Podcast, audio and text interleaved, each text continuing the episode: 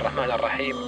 والصلاة والسلام على خير من صلى وصام وطاف بالبيت الحرام وعلى آله وصحبه ومن تبعهم بإحسان إلى يوم القيامة. أما بعد السلام عليكم ورحمة الله وبركاته. أحبتي في الله إخواني أخواتي أذكر لكم هذه القصة عن شاب من الشباب توفى وهو في زهرة شبابه.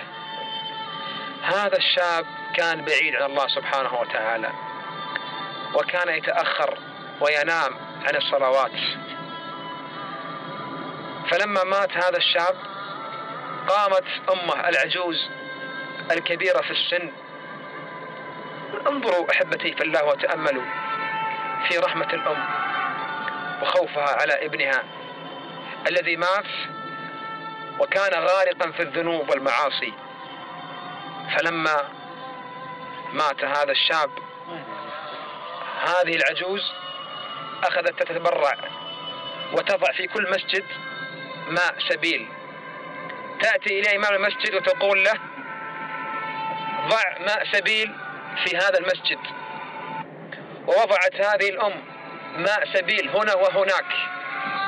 ليش يم فلان؟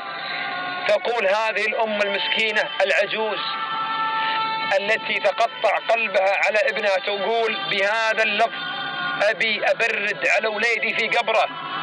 أبي أبرد على وليدي في قبره. أبي أبرد على وليدي في قبره. هذه الأم بعد فترة أحبتي في الله رأت رؤية في المنام. رأت ابنها في المنام بشكل بشع ومخيف.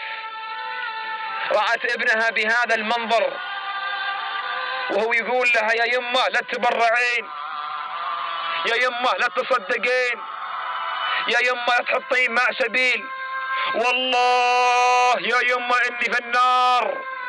والله يا يمه إني أرى مكاني في النار.